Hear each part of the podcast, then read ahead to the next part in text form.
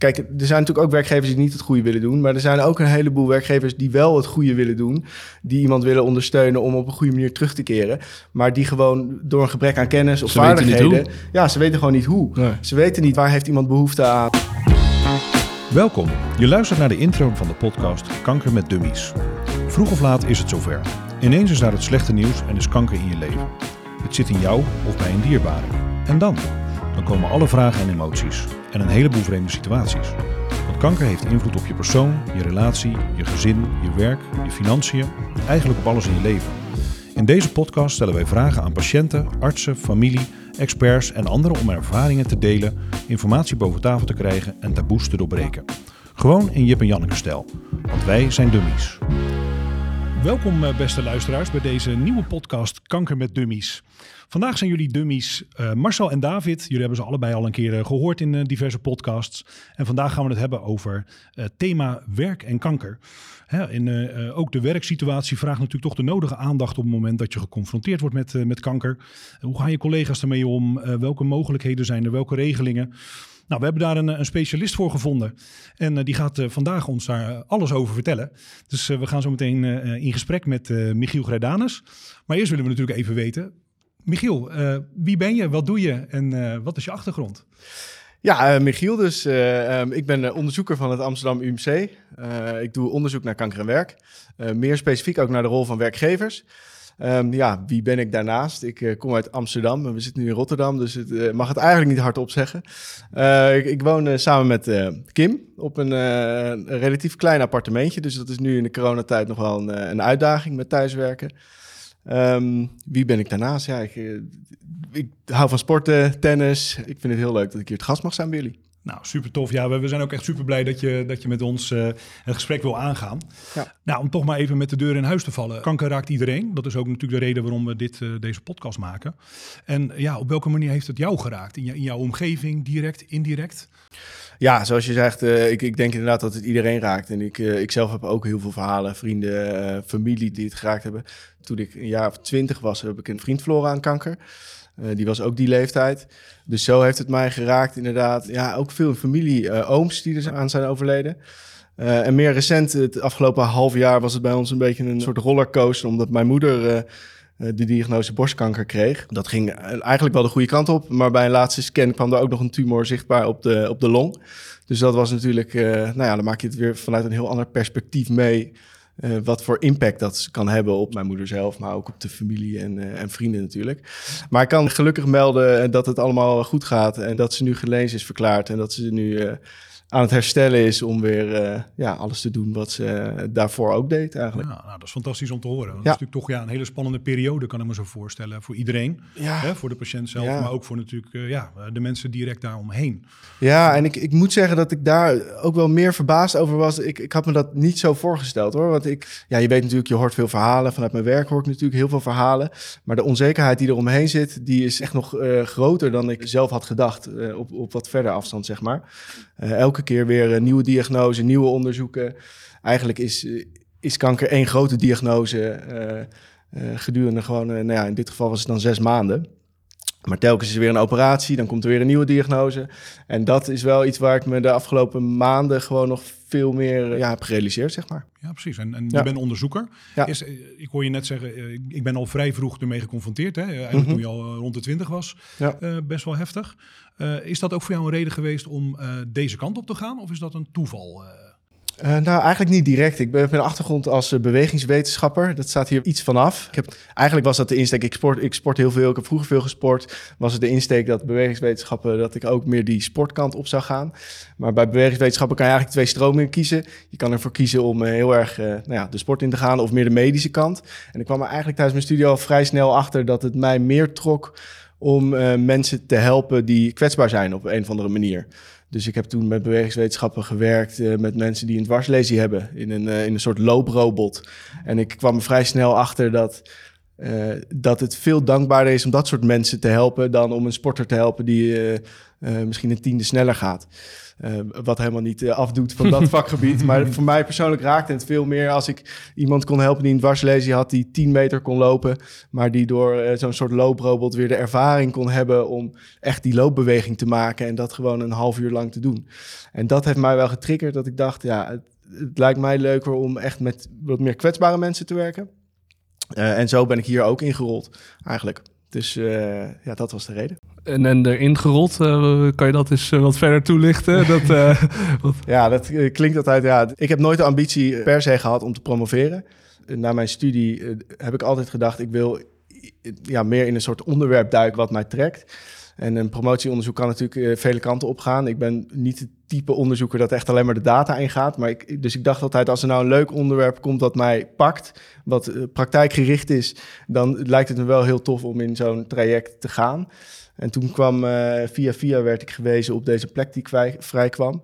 Dat was een project dat werd gefinancierd door het KWF. Hm. Um, en daar heb ik toen ja, eigenlijk op gesolliciteerd ja, het klinkt, uh, ik kan het mooi maken dat het is, maar op gesolliciteerd. Uh, toen dat geworden en toen daar met heel veel plezier ingedoken. En uh, dat project is nu afgerond. Solliciteren op een promotieplek, zo moet ik dat dan zien? Of, of, Ja, het is gewoon een vacature die, die langskomt. En, en, en hoe heet die vacature? Want voor luisteraars misschien ook wel een beetje om een beeld te krijgen. Ja, hoe heet de vacature? Misschien promovendus kanker en werk of zo, zoiets kan ik me voorstellen.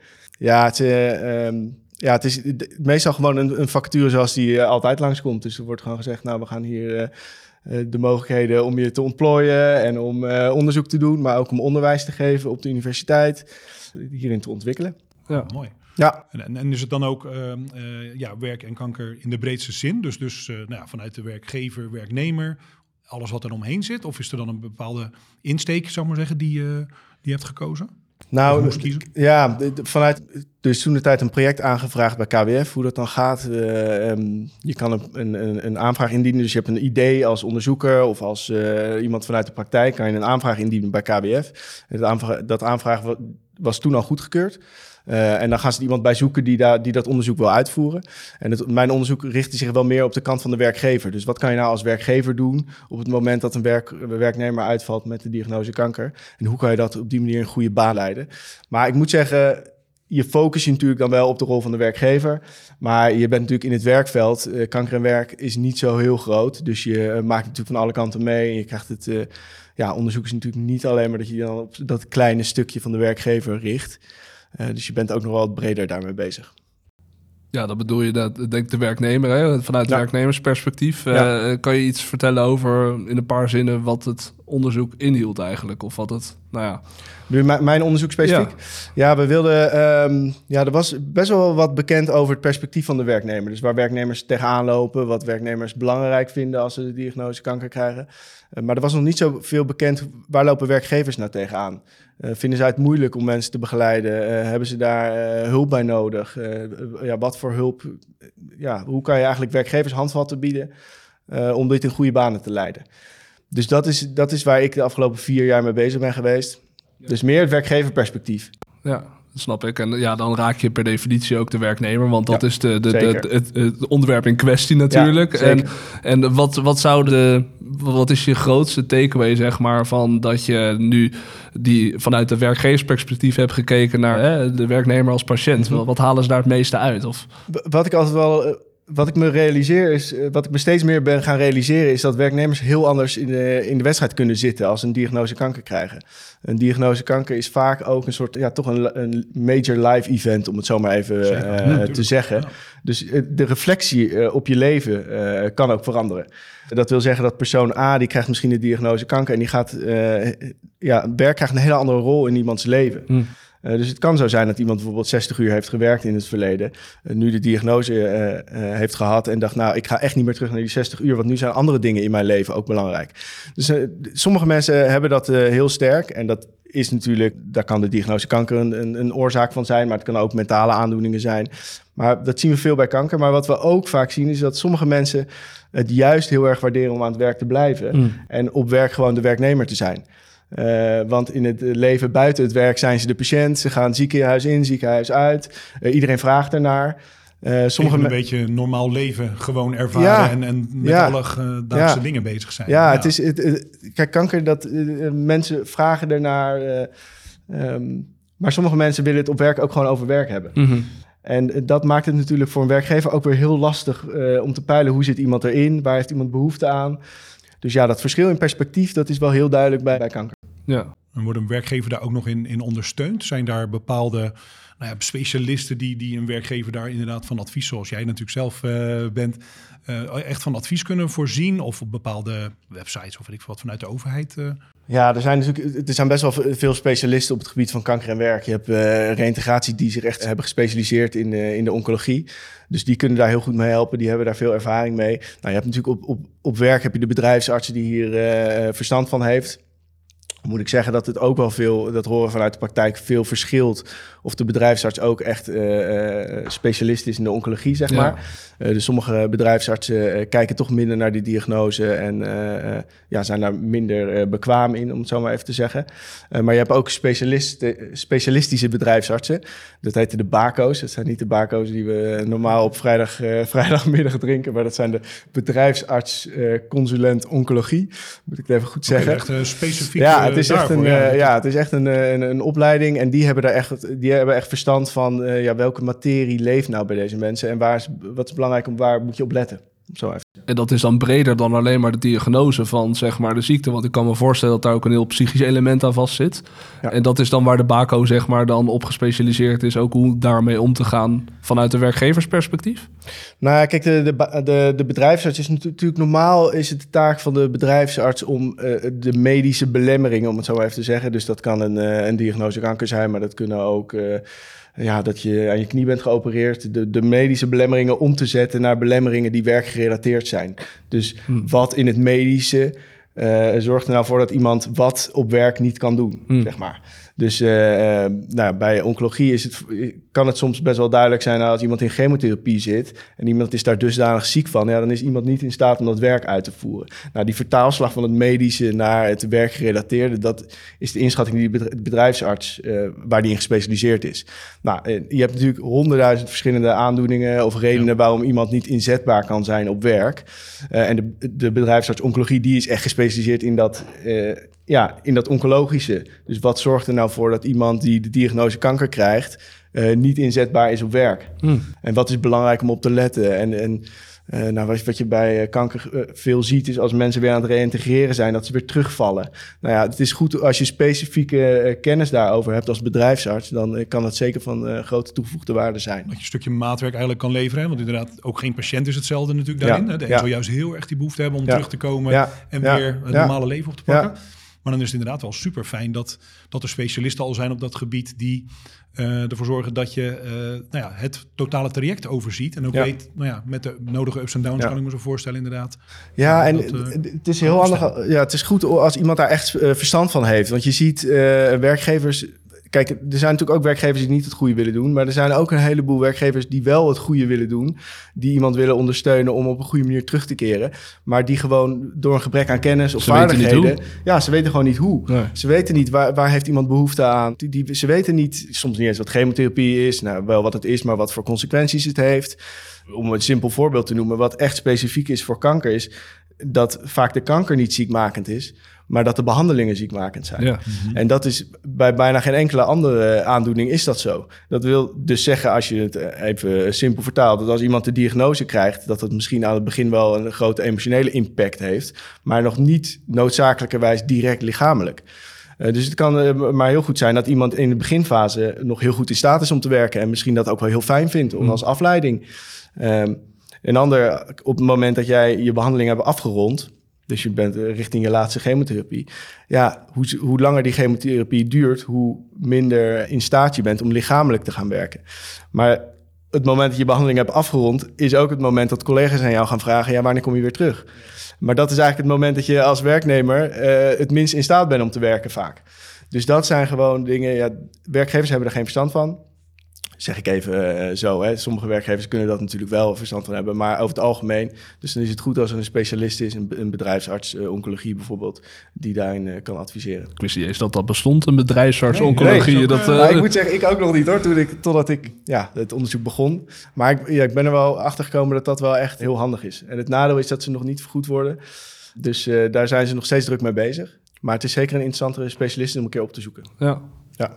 En, uh, ik weet niet of het baco.nl is. dat, dat, moet ik. Uh, maar ik denk als je op bedrijfsarts oncologie doet, dat je dan uh, een goede stap in de goede richting komt. Ja, het is goed om dat te weten, hè, dat er specialisaties daarin zijn. Ja. Want dat geeft denk ik ook wel perspectief voor werknemer en werkgever. Ja. Je gaf net ook, zei, had je het over werkgever en je had het over de collega's, zeg maar. Hè? Want mm -hmm. dat zijn natuurlijk ook wel twee verschillende nou ja, rollen. Hè? Want de, werk, mm -hmm. de collega kan ook wel eens een andere band hebben dan de werkgever. De baas in dit geval, weet ja. je wel. Hè? Die, -hmm. Iedereen gaat daar ook weer anders mee om. Wat, ja. wat, heb je daar ook naar gekeken in je onderzoek? Of hoe dat... Nou, niet specifiek in mijn onderzoek hebben we ons niet gericht op collega's echt. Maar we weten natuurlijk dat die hele werkomgeving, eigenlijk de, de setting waarin jij uh, aan de slag bent als je aan het werk bent, maar ook waarin jij moet reintegreren als jij terugkomt, dat die best wel een hele grote invloed heeft op in hoe succesvol dat is, hoe, hoe, hoe mensen dat ervaren. Net al even over dat sommige werknemers geen behoefte hebben aan constant die vraag: hoe is het met je? Die willen op werk gewoon een werknemer zijn. Nou ja, uh, als iemand bij mij kanker heeft gehad en die komt terug op de werkvloer, ja, mijn eerste reactie is om te vragen: hoe gaat het met je? Weet je, dat is, ja. uit menselijkheid vraag Precies. je dat. Ja. Maar als je niet weet dat die persoon dat juist niet wil, ja, dat is toch wel een, een lastige situatie. Maar ik kan me ook voorstellen, ja, daar ligt ook weer niet één voorman natuurlijk voor nee. het werk. Hè. Je hebt natuurlijk, uh, uh, ja, ook in mijn eigen omgeving eens een keer meegemaakt dat je dan nou, na een operatie of zo gaat iedereen vragen hoe is het gegaan. En, mm -hmm. en volgens ben je als, nou ja, uh, hoe heet het, uh, iemand die daarnaast staat van uh, alleen maar de hele avond bezig aan te vertellen aan iedereen ja. hoe het is gegaan ja. en dat het goed komt. Nou, afijn, aan het eind van de avond ben je zelf ook gesloopt. Mm -hmm. Hoe voorkom je inderdaad dat je honderd keer hetzelfde verhaal moet doen en, en, en, en het gevoel misschien dat je iedereen op de hoogte moet houden, terwijl mm -hmm. je bent natuurlijk heel erg met je eigen proces bezig als werknemer. Zijn daar vanuit HR protocollen voor of een bepaalde manier van aanpak? Of is dat learning by doing eigenlijk? Uh... Nou, learning by doing uh, werkt niet altijd, omdat dus elke werknemer een hele andere behoefte heeft. Dus dat, wil niet altijd een positieve invloed hebben. Maar ik, ik denk dat het belangrijkste is uh, op het moment dat een werknemer deze diagnose krijgt, is dat je in een zo vroeg mogelijk stadium al toetst. Ja, wat zijn jouw behoeften? Hoe wil je contact houden met de werkvloer? Wil je dat collega's jou een berichtje sturen? Wil je dat, willen we dat centraliseren, zeg maar? Dus dat jij bijvoorbeeld uh, als, als, als zieke werknemer, noem ik het dan even, een berichtje bijvoorbeeld naar de werkgever stuurt en dat die het verspreidt onder collega's. Of misschien wil iemand juist wel helemaal niet dat collega's het weten. Dat kan natuurlijk ook. Ja. Dus het, het is denk ik goed om dat van tevoren af te toetsen bij die, ja, bij die werknemer zelf. Waar heeft die behoefte aan? Uh, hoe vindt die het uh, fijn dat collega's naar hem toe komen of juist niet? Als je het niet vraagt, dan weet je het niet. Nee, dus eigenlijk gewoon best wel direct en concreet, weet ja, je wel? Zo van, ja. ja. met voorbeelden misschien ook wel. Hè? Ja. Dat, uh... ja, ik heb veel voorbeelden dat bijvoorbeeld echt uh, iemand uh, zei... nou, oké, okay, ik stuur één per maand stuur ik een mail naar mijn leidinggevende... en die leidinggevende zorgt dat dat onder collega's verspreid wordt... Uh, puur omdat die persoon had helemaal geen behoefte aan uh, iedereen uh, apart dat verhaal te vertellen. Kijk, natuurlijk heb je op werk altijd twee, drie collega's waarvan je denkt, nou, dat, dat vind ik fijn als ik die ook nog eens spreek. En als die wel naar mij toe komen. Maar je hebt ook die omgeving omheen, die collega nummer 10 tot en met 50. die zelf wel de behoefte voelen om iets te laten merken. Dus om te vragen hoe het met je gaat. Maar waar jij niet per se, als je dan in je kokonnetje zit, altijd de behoefte hebt om daar dat hele verhaal te hechten. Nee, ja, die kunnen de kaart uh, zeg maar hun naam opschrijven en ja, uh, ja bij wijze van, hè, om die, op die manier hun ondersteun te laten blijken. Ja, en ik denk dat je als je iemand op werk aan, uh, aanwijst die, dat, die die taak op zich neemt, dus dat is in veel gevallen kan dat de leidinggevende zijn, maar het kan ook een hele goede naaste collega zijn die zegt van oké, okay, nou ik pak die rol op mij. Uh, ik ben de eerste aanspreekpunt naar die werknemer toe. En ik zorg dat als collega's iets kwijt willen of zo, dat ze dat eerst even bij mij komen. Ja, een soort eerste filter even ja. van. Uh, ja. ja. Want we hadden het er van de week al over, hè, David. Van ieder bedrijf gaat in onze praktijk er al anders mee om. Hè? Ja. Uh, maar het ligt natuurlijk tegenwoordig ook heel gevoelig. Van, ja, zeker ook met bepaalde ziektes. Uh, uh, ja, wanneer ga je de privacy schenden? Dus ik kan me ook voorstellen dat een bedrijf zich er niet altijd gemakkelijk bij voelt. Ja. En ook niet precies weet van, ja, wat kan ik nou wel vertellen en ja. wat niet. Hè? Is, ja. is uh, nou, uh, Jan met een griepje uh, thuis of is er iets anders aan de hand? En wanneer ga je dat dan vertellen dat er iets anders aan de hand is? En, en dus ja, ik, ik vind dat, ja, ik merk in mijn eigen uh, ervaring al dat dat lastig ligt. Ja, nee, dat klopt. En die, die, die hele privacywetgeving, dat is natuurlijk uh, goed om meerdere gevallen. Maar het, het, zorgt ook voor terughoudendheid en een soort angst bij aan werkgeverkant. 100%. Er is altijd een soort mix tussen je wil empathisch zijn. Uh, maar je wil niet de privacywetgeving uh, op je nek krijgen. Dus je wil wel een vraag stellen, hoe gaat het met iemand? Maar je mag dan weer niet ziekte-specifiek vragen. Je mag het weer niet noteren. Nou ja, daar zit best wel een, dat is best wel een gevoelig punt. En dat houdt heel veel werkgevers er ook van om gewoon empathisch te zijn. En het is best goed als je als werkgever gewoon kan zeggen tegen jouw werknemer van... oké, ik wil heel graag empathisch zijn... Ik ben geïnteresseerd in jou. jij moet even aangeven tot waar je wil vertellen aan mij. Want kijk, ik vind het fijn uh, op het moment dat je bijvoorbeeld een behandeling hebt gehad, dat ik even kan vragen hoe het met je gaat. Mhm. Maar ik kan me ook goed voorstellen, als jij daar geen behoefte aan hebt op dat moment, weet je, dan hou je het gewoon voor jou. Maar ja, dus ik denk als je daar samen over praat en daar duidelijke afspraken over maakt, dat je dat uh, beter is dan dat je jezelf uh, te terughoudend gaat opstellen. Ja, nou, dus goede, eigen, goede afspraken maken. Daar waar jij je comfortabel bij voelt, eigenlijk ja. Uh, en ja, toch ligt, afstemmen. Ja, het ligt ook heel erg aan je relatie voordat je uh, de diagnose hebt gehad. Hè? Kijk, wat is jouw relatie met de leidinggevende? Bij sommige mensen is dat, is dat veel meer een afstandsrelatie, zeg maar. Dus dan heb je niet per se uh, veel persoonlijk met een, uh, met een directe leidinggevende. Ja, dat maakt natuurlijk uh, dit ook wel weer lastiger, want die wil misschien ook empathisch zijn, maar ja, dan kan je als werknemer misschien weer meer terughoudend zijn. Dus ja, het, het ligt heel erg van wat is de relatie voorafgaand aan de diagnose, uh, wat vertellen we aan elkaar. Uh, gaan we het alleen hebben over wat zijn de belemmeringen in werk. Dus ik, uh, ik kan op dit moment niet werken en het vooruitzicht is dat ik de komende maand nog steeds niet kan blijven werken. of gaan we het meer inhoudelijk hebben van oké, ja, zo ziet mijn plan de komende maand eruit. Dus ik word misschien geopereerd of ik, nou ja, dat is heel veel afhankelijk van hoe is jouw relatie met jouw leidinggevende. Ja, en dat is natuurlijk ook weer steeds case per case verschillend. Hè? Dus, maar wat ik er wel uithaal is merk dat de werkgever hier ook wel natuurlijk ook in een soort van struggle kan komen te zitten. Hè? En, en eh, natuurlijk staat de patiënt, de werknemer in dit geval centraal. Maar met de beste bedoelingen kan de werkgever soms ook wel eens de plank misslaan. Ja, en dat misschien wel eens onbewust onbekwaam doen eigenlijk. Uh. Ja, dat onbe onbewust onbekwaam, dat zien we heel veel. Het begint al vanaf het allereerste moment vaak. Als iemand de diagnose krijgt en jij gaat het vertellen aan jouw leidinggevende. We zien nog steeds wel vaak, en gelukkig wordt dat minder hoor. Maar dat een leidinggevende zegt van nou, ga naar huis. Uh, je hebt wel andere dingen aan je hoofd. Uh, kom terug als je weer beter bent of als je weer in staat bent om te werken. Of nou ja, dat soort adviezen. Dat, dat zien we nog steeds wel in de praktijk. En dat is natuurlijk Kijk, dat zijn echt de beste bedoelingen. Want je, ja, je wil iemand niet lastigvallen met werk. Hè? Dat is de aanname die je dan maakt. Mens, uh, ja, je gaat, ja, je gaat heel erg in de ja. menskant zitten. Uh, maar je, je realiseert niet dat er aan de overkant misschien iemand zit die het juist fijn vindt om niet om iemand anders zijn dan de patiënt. Dus om juist aan de slag te blijven. En uh, ja, dat realiseren heel veel mensen niet. Die optie wordt vaak niet geboden, zeg maar. Nee, het wordt al opgelost eigenlijk. Hè? Van ga maar naar huis, weet je Want je zal het wel nodig hebben. Ja, ik denk ook de grootste les die we mee willen geven aan werkgevers... is maak geen aannames over dit soort dingen. Mm. Dus zet, doe niet de aanname van iemand... degene die tegenover mij zit, die heeft de diagnose... dus dat is gelijk een ziekmelding.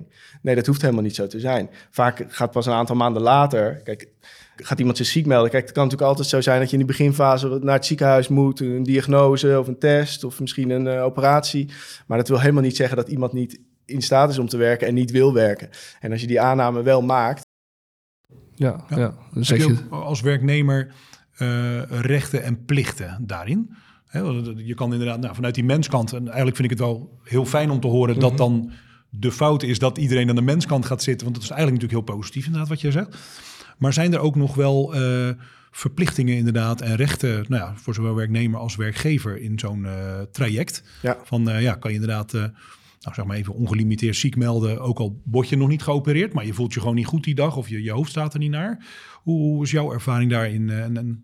Ja, nou kijk, wat, wat je vanuit de wetgeving ben je vanaf het eerste moment van ziekmelding ben je als werkgever en werknemer samen verantwoordelijk om uh, zoveel mogelijk inspanning te leveren om iemand weer aan het werk te, uh, te krijgen.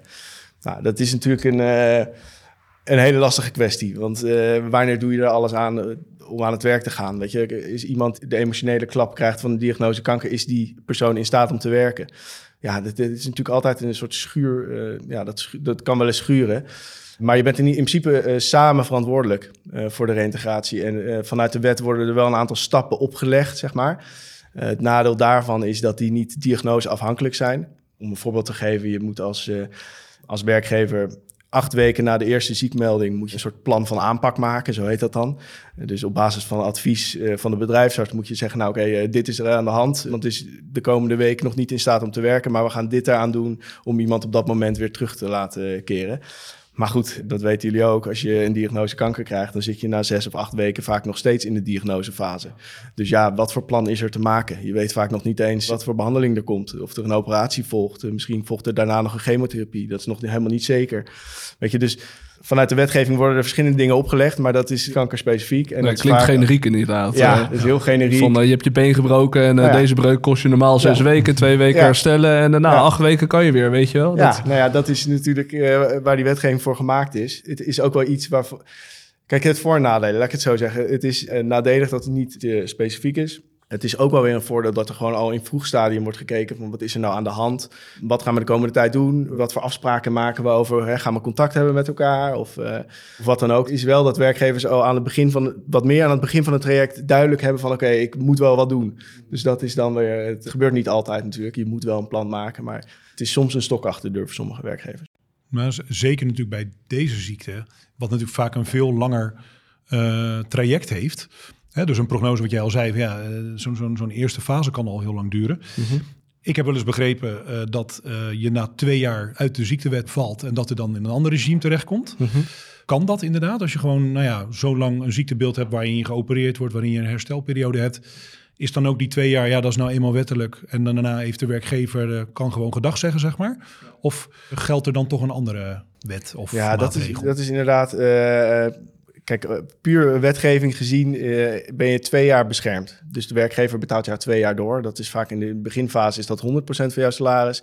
En later, na één jaar, kan dat... Eh, nou, het kan al eerder teruggeschroefd worden naar 70%. Maar vanuit de CAO, veel werkgevers betalen jou gedurende het eerste jaar 100% door. op een gegeven moment komt er een moment, en dat is op twee jaar, dat er getoetst wordt. Ja, als jij op dit moment nog niet aan de slag bent, en dan gaan ze terugkijken. Wat hebben ze gedaan? In, ja, hebben beide partijen er alles aan gedaan om uh, reïntegratie mogelijk te maken?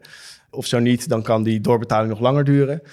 Maar ik denk het belangrijkste is dat uh, vaak behandelingen van kanker duren heel lang. En vaak is na anderhalf, twee jaar, uh, kan ook het moment zijn dat iemand net uitbehandeld is. dus dat er dan, nou, wat ik net al vertelde, dat iemand op het laagste punt zit qua lichamelijke mhm. gesteldheid. Uh, dus dat dat een heel ongeschikt moment is na twee jaar om te kijken van hoe staan we ervoor. Want inderdaad, na twee jaar uh, mag je als werkgever afscheid nemen van een werknemer. Dat is in het geval van kanker is dat vaak wel een, een moeilijk punt, zeg maar. Ja. het kan ook zijn dat je als werkgever zegt van oké, eh, we hebben er alles aan gedaan. Ik zie mijn medewerker, die heeft er ook alles aan gedaan. We staan nu op het moment van twee jaar. Maar ik kies er zelf voor om die medewerker nog in dienst te houden.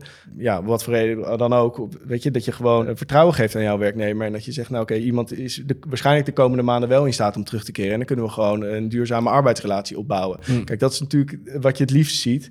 Ja, dat op een gegeven moment weer gewerkt kan worden. En dat de werkgever dat vertrouwen ook uitstraalt. Het voelt ook zo krom, hè? want je hebt als werkgever en werknemer natuurlijk een hele formele relatie wat dat betreft. Terwijl je aan de andere kant ook het menselijke, het empathische, hè? je snapt de situatie. En wanneer iemand zeg maar in het diepste zit van... Uh, en, en op dat moment dan bijvoorbeeld afscheid van iemand te nemen. Dat, dat klinkt bijna onethisch of zo. Eh, eh. Ja, dat is waar werkgevers ook vaak tegenaan lopen. Hè? Het menselijke of die zakelijke kant. Dat zie je heel veel in de, in de werkgevers die wij interviewen. Ja, welke pet moet ik opzetten?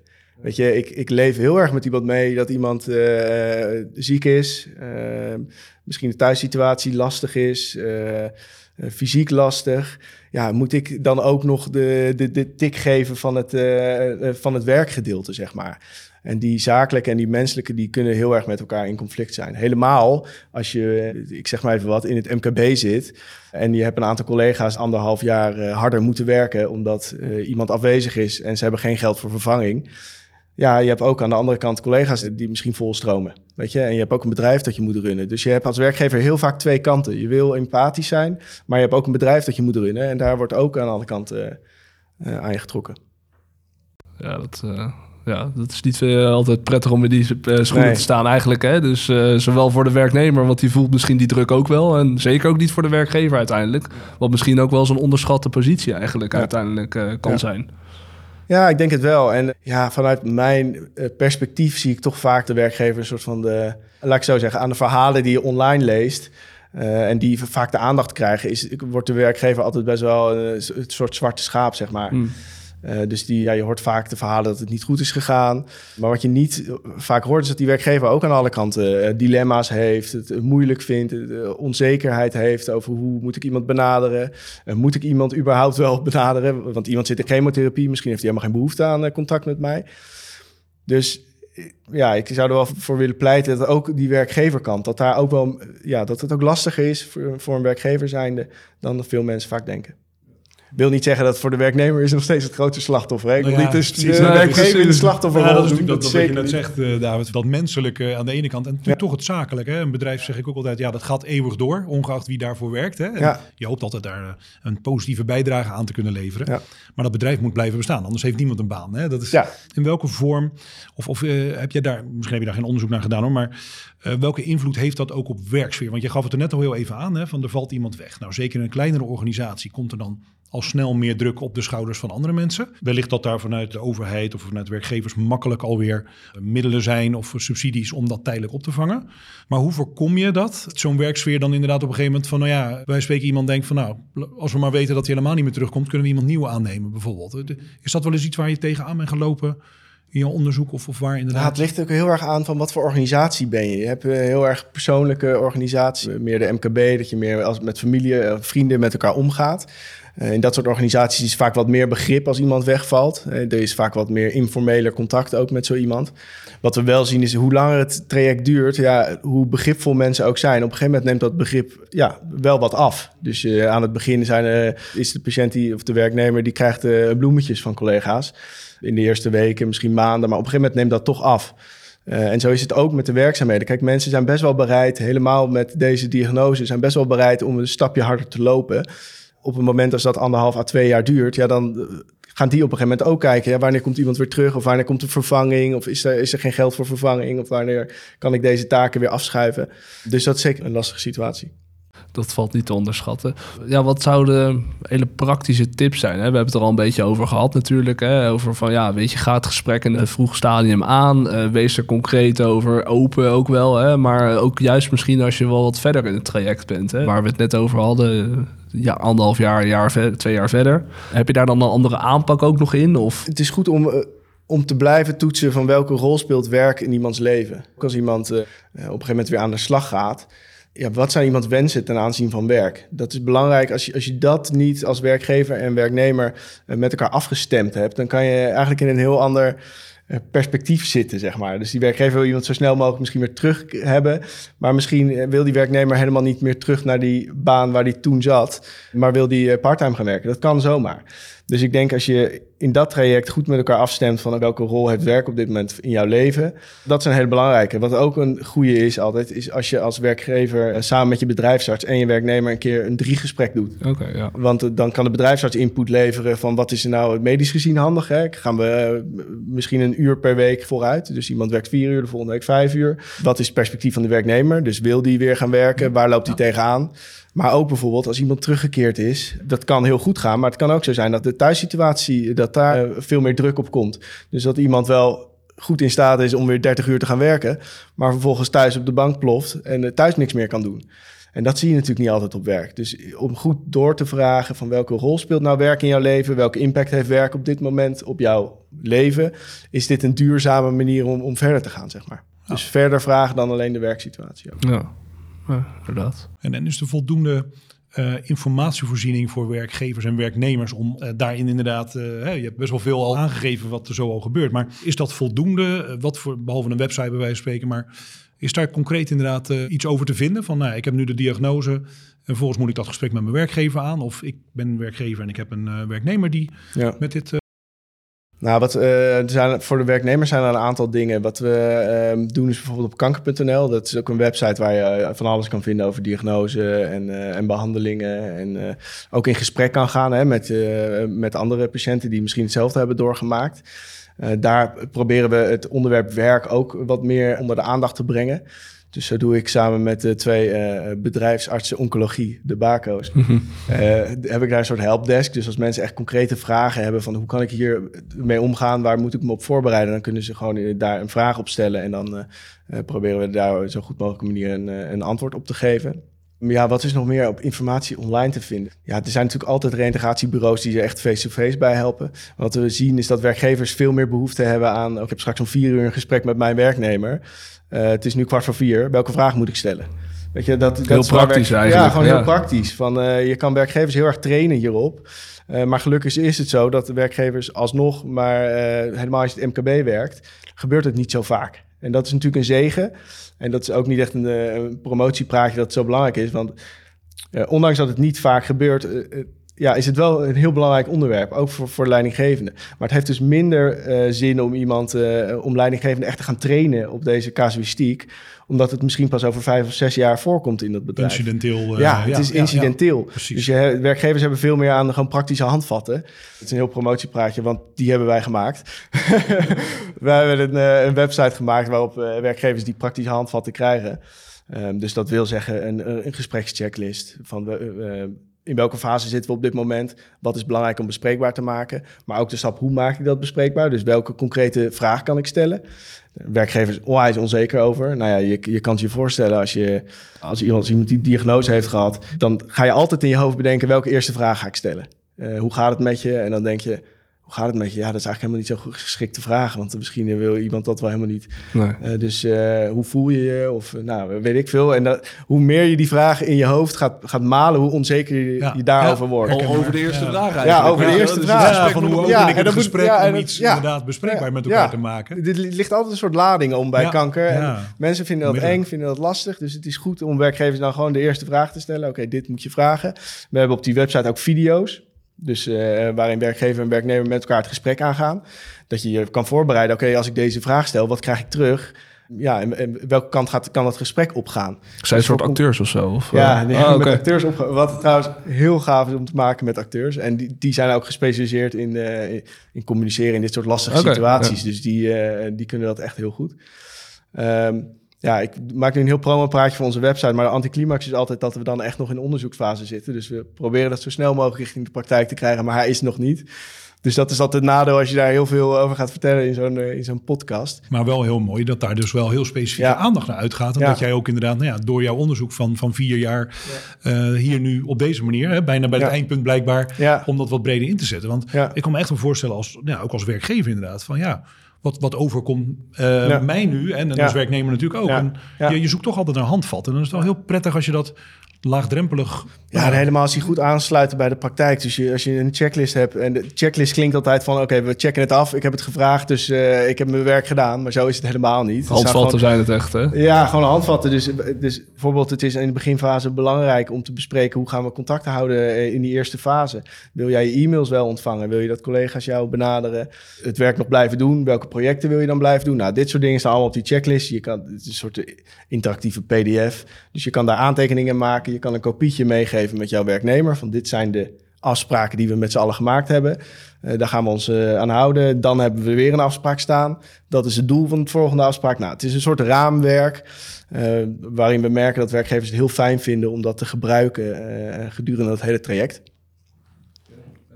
Ja, dat is een hele suffe, weet je wel. Blijf in de, in de appgroep of zo met alle collega's, ja. uh, weet je wel. Dan krijg je toch misschien allerlei werkgerelateerde, maar ook uh, ja, de bedrijfsborrel de vrijdag, uh, de grap en de grollen. Ja, ja kijk, dus dat is ook Sommige zoiets, mensen hè? vinden het heel fijn om juist dat wel mee te krijgen. het is ook een gevaar, zeg ik, als iemand echt in de appgroep zit, dat, je, dat er gewoon constante lading aan berichten komt. Uh, nou ja, iedereen staat er anders in, laat ik het zo zeggen. Ja. Dus sommige mensen vinden het super fijn, anderen vonden dat juist een hele stap om uit zo'n appgroep te gaan ja. uh, tijdens behandeling, omdat ze het gevoel hadden, nou, ik moet daaruit, want ik, ja, ik heb daar op dit moment echt geen behoefte aan. Uh, en is dat ook weer een stap. Ja, het klinkt zoiets onbenulligs bijna, hè? maar er zit wel degelijk lading achter, zeg maar. En dat, ja. ja. Ja. Uh, maar ik kan me ook wel voorstellen andersom. Hè, als je de werknemer bent die niet ziek is en, en doorgaat met zijn werk. Mm -hmm. um, dat het ook wel lastig is als iemand bij wijze van spreken wel op de app de grappen en de grollen uh, iedere week zet, maar niet productief kan deelnemen. Hè. Dat is nou eenmaal zo door de, door de ziekte. Uh, maar bijvoorbeeld ook, ja, hoe zit het dan bijvoorbeeld met vakantie? Kan zo iemand, ja. kan iemand die ziek is wel op vakantie gaan? Ja, ja is het korte antwoord. Ja, ja. zeker. Gelukkig. Maar, maar, ook inderdaad van, ja, dat heeft natuurlijk ook weer invloed op die, die werksfeer. Kan ik me zo voorstellen. Heb je daar nog Ja, je, hoort natuurlijk wel verhalen over. Hè? Iemand die zich bezwaard voelt van... oké, ik ben nu al een jaar niet aan het werk... Uh, maar ik heb wel een vakantie gepland staan... in zo'n vakantie met mijn kinderen. En ik wil daar ook wel foto's van plaatsen op uh, Facebook, Instagram. En ik wil, ja, ik wil dat mensen dat ook zien. Maar ja, aan de andere kant kunnen collega's dat ook weer zien. En dat kan weer uh, leiden tot een soort afname van begrip... van de werksituatie. Dus dat hoor je wel veel. En dat, maar dat is natuurlijk niet kankerspecifiek. Dat is ook bij mentale aandoeningen. Weet je, als iemand een burn-out heeft... dan kan het maar net zo zijn dat iemand wel gewoon heel goed in staat is om andere dingen te doen. Gewoon op vakantie te gaan, leuke dingen, een keer een bol bij vrienden uh, te doen. Wat overigens niet wil zeggen dat als iemand die bol gehad heeft, uh, dat hij daar niet daarna een halve dag weer uh, vermoeid is als gevolg van de burn-out bijvoorbeeld. Precies. Dus dat zie je natuurlijk niet op via social media. Um, maar daar lopen mensen zeker tegenaan. Ja, ja. Nou, ik kan me voorstellen. Ja. Terwijl natuurlijk juist dat soort zaken, uh, ook met, met de, de, andere ziektebeelden die je net noemt, heel erg kan helpen aan jouw herstel. Ja. En daarmee jouw uh, reïntegratieproces natuurlijk kan versnellen. Ja. Maar tegelijkertijd inderdaad, ja, de gevoeligheid aan de andere kant van, uh, hey, ik dacht dat jij aan het herstellen was, ik zie je op vakantie gaan. Ja, ja. ja die klik is natuurlijk... Ja, wat is herstellen, weet je? Bij, ja, hoe zorgen we ervoor dat iemand weer aan het werk komt? Het kan ook zijn dat iemand juist heel veel aan het sporten is, weet je, om fitter te worden, om weer aan het werk te komen. Maar ja, als jij, als jij elke dag je fitnessfilmpjes op Instagram zet, ja, dan denken collega's van, uh, ja, oké, iemand kan wel sporten, maar kan niet hier werken, zeg maar. Dus ja, daar leeft zeker wel een en ander. Zijn er bepaalde onderwerpen of, of, of thema's waarvan jij denkt rondom uh, kanker. Van nou, daar zou dus wat meer aandacht over voor mogen zijn. Of dat zou interessant kunnen zijn voor een podcast om daar eens een keer uh, op in te steken. Oh, op zo'n manier. Gewoon wat breder dan, ja, ja. dan kanker en werk. Nee, vanuit mijn eigen expertise ben ik natuurlijk altijd wel heel erg geïnteresseerd in meer het psychosociale. Dus wat gaat er nou echt in iemand om op het moment dat hij de diagnose kanker krijgt? en ook gedurende het hele traject. Dus wat is voor iemand belangrijk? Nou ja, dat soort vragen, dat, dat psychosociale vind ik wel uh, uh, heel interessant. Um, ja, ik, ik weet niet wat jullie allemaal nog in de planning hebben staan, eerlijk gezegd ook. Anything goes. Nee, Anything. We willen zo'n breed mogelijk uh, aantal onderwerpen ja. en, en invalshoeken ja. bespreken. Dus ja. nou, dankjewel voor deze, deze tip. En daar gaan we ons zeker eens eventjes, eventjes in verdiepen. Ja. Ja, volgens mij gaan we jou ongelooflijk bedanken voor, voor al jouw input mm -hmm. en inbreng. Mm -hmm. um, ik weet niet of er vanuit jouw kant nog iets is waarvan je zegt van, nou ja... Uh, dit zou ik graag nog, uh, nog willen delen met onze nou, luisteraars. Uh, nou, nog iets wil delen. nou, ik denk wat wel belangrijk is, nou, we hebben het er al even over gehad, hè, dat je ook kan verplaatsen in, in, die, in die werkgeverkant. Maar ik denk dat het heel goed is om als patiënt te realiseren, als jij op een goede manier begeleid wil worden op werk, dat de informatie van jou moet komen. Dus als jij... Uh, de verantwoordelijkheid ligt bij de patiënt wat dat betreft. Dat wil ik nou niet ja, zeggen, maar het, het is wel... Kijk, de werknemer kan niet altijd de regie pakken... omdat hij soms niet uh, lichamelijk of mentaal in staat is om die regie te pakken. Maar het is wel zo dat alleen jij weet waar je behoefte aan hebt. En alleen jij weet op welke, moment, op welke manier jij de reïntegratie goed kan laten verlopen. Dus op het moment dat ik als patiënt zou weten... oké, okay, het is voor mij een drempel om naar het werk te gaan... omdat dan alle collega's op mij afkomen om te vragen hoe het met mij gaat... ja, dan ben ik de enige die aan kan geven dat dat anders moet. Of, de, of, of, of dat de, de, werkplek daar iets voor moet creëren. Dus ik denk dat het een belangrijke tip is aan, uh, aan, aan werknemers zelf... is van zorg in ieder geval wel voor een bepaalde mate van openheid. Hm. Dus ben wel open over welke behoeftes jij hebt. En waar je, welke specifieke dingen er zijn die jou tegenhouden om aan het werk te gaan. Want als jij daar niet open over bent, dan is het voor een werkgever alleen maar gissen. En dan kom je al snel op de aannames. Weet je, dan kom je al snel op, nou oké, okay, de werkgever uh, heeft een familielid gehad.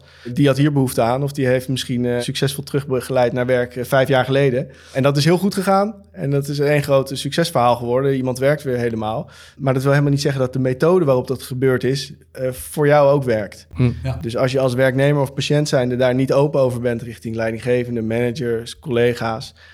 Dan is het voor de andere kant heel moeilijk om het ook een soort op maat gemaakt pakket voor jou. Ja, er is geen blauwdruk eigenlijk, hè, wat jij zegt, maar ja. het is maatwerk. Het ja. is natuurlijk mensenwerk, het is Ja. bij ieder, iedereen anders, Ja. de behoeftes zijn anders. Ja, ja, Ja. zeker. Nou, mooi hoe je die eh, beide perspectieven van werkgever en werknemer eigenlijk op het laatst nu zo aan elkaar koppelt. Dat vind ik wel. Ja, ze worden eh, altijd tegenover elkaar gezet. En dat is al een, een, in, een, ja, een, een, ehm, ja, een insteek die, die mij al niet echt eh, zint. Want ik denk, dat je, je moet het samen oppakken. Je bent ook samen verantwoordelijk daarvoor. Dus de werkgever is voor heel veel dingen verantwoordelijk. Maar als werknemer ben je ook verantwoordelijk dat jij ja, informatie verschaft... eh, om het zo succesvol mogelijk te laten verlopen. Ja. Ja, een hele mooie afsluiter. Eh, Dank je wel nogmaals eh, voor, voor je inbreng en, en ook je openheid eh, daarvoor. Ik denk dat we ja, de luisteraars toch weer heel veel nieuwe informatie hebben kunnen geven. Ik hoop het. En nou, we gaan sowieso, daar, daar, ga, daar ga ik zeker vanuit. En ehm, we gaan sowieso de door jou genoemde tips ook nog even apart vermelden met de website, zodat mensen daar ook, ook kunnen vinden. Ja, en volgens mij rest ons niks anders dan de luisteraars uh, hartelijk te, te, bedanken. En uh, ja, uiteraard uh, gaan we de volgende podcast weer, weer een mooi onderwerp behandelen. Ja, we hopen jullie graag de volgende keer ook weer te mogen verwelkomen bij de volgende uitzending. De podcast Kanker met Dummies is een uitgave van Stichting One Love for Life en is powered bij Rauw CC. Wij danken onze gasten voor de openhartigheid en jou voor het luisteren. Like en share onze podcast en help ons anderen te bereiken. En vergeet je ook niet te abonneren. Heb je vragen, suggesties of andere belangrijke informatie? Get in touch via oneloveforlife.nl. Thanks namens alle dummies.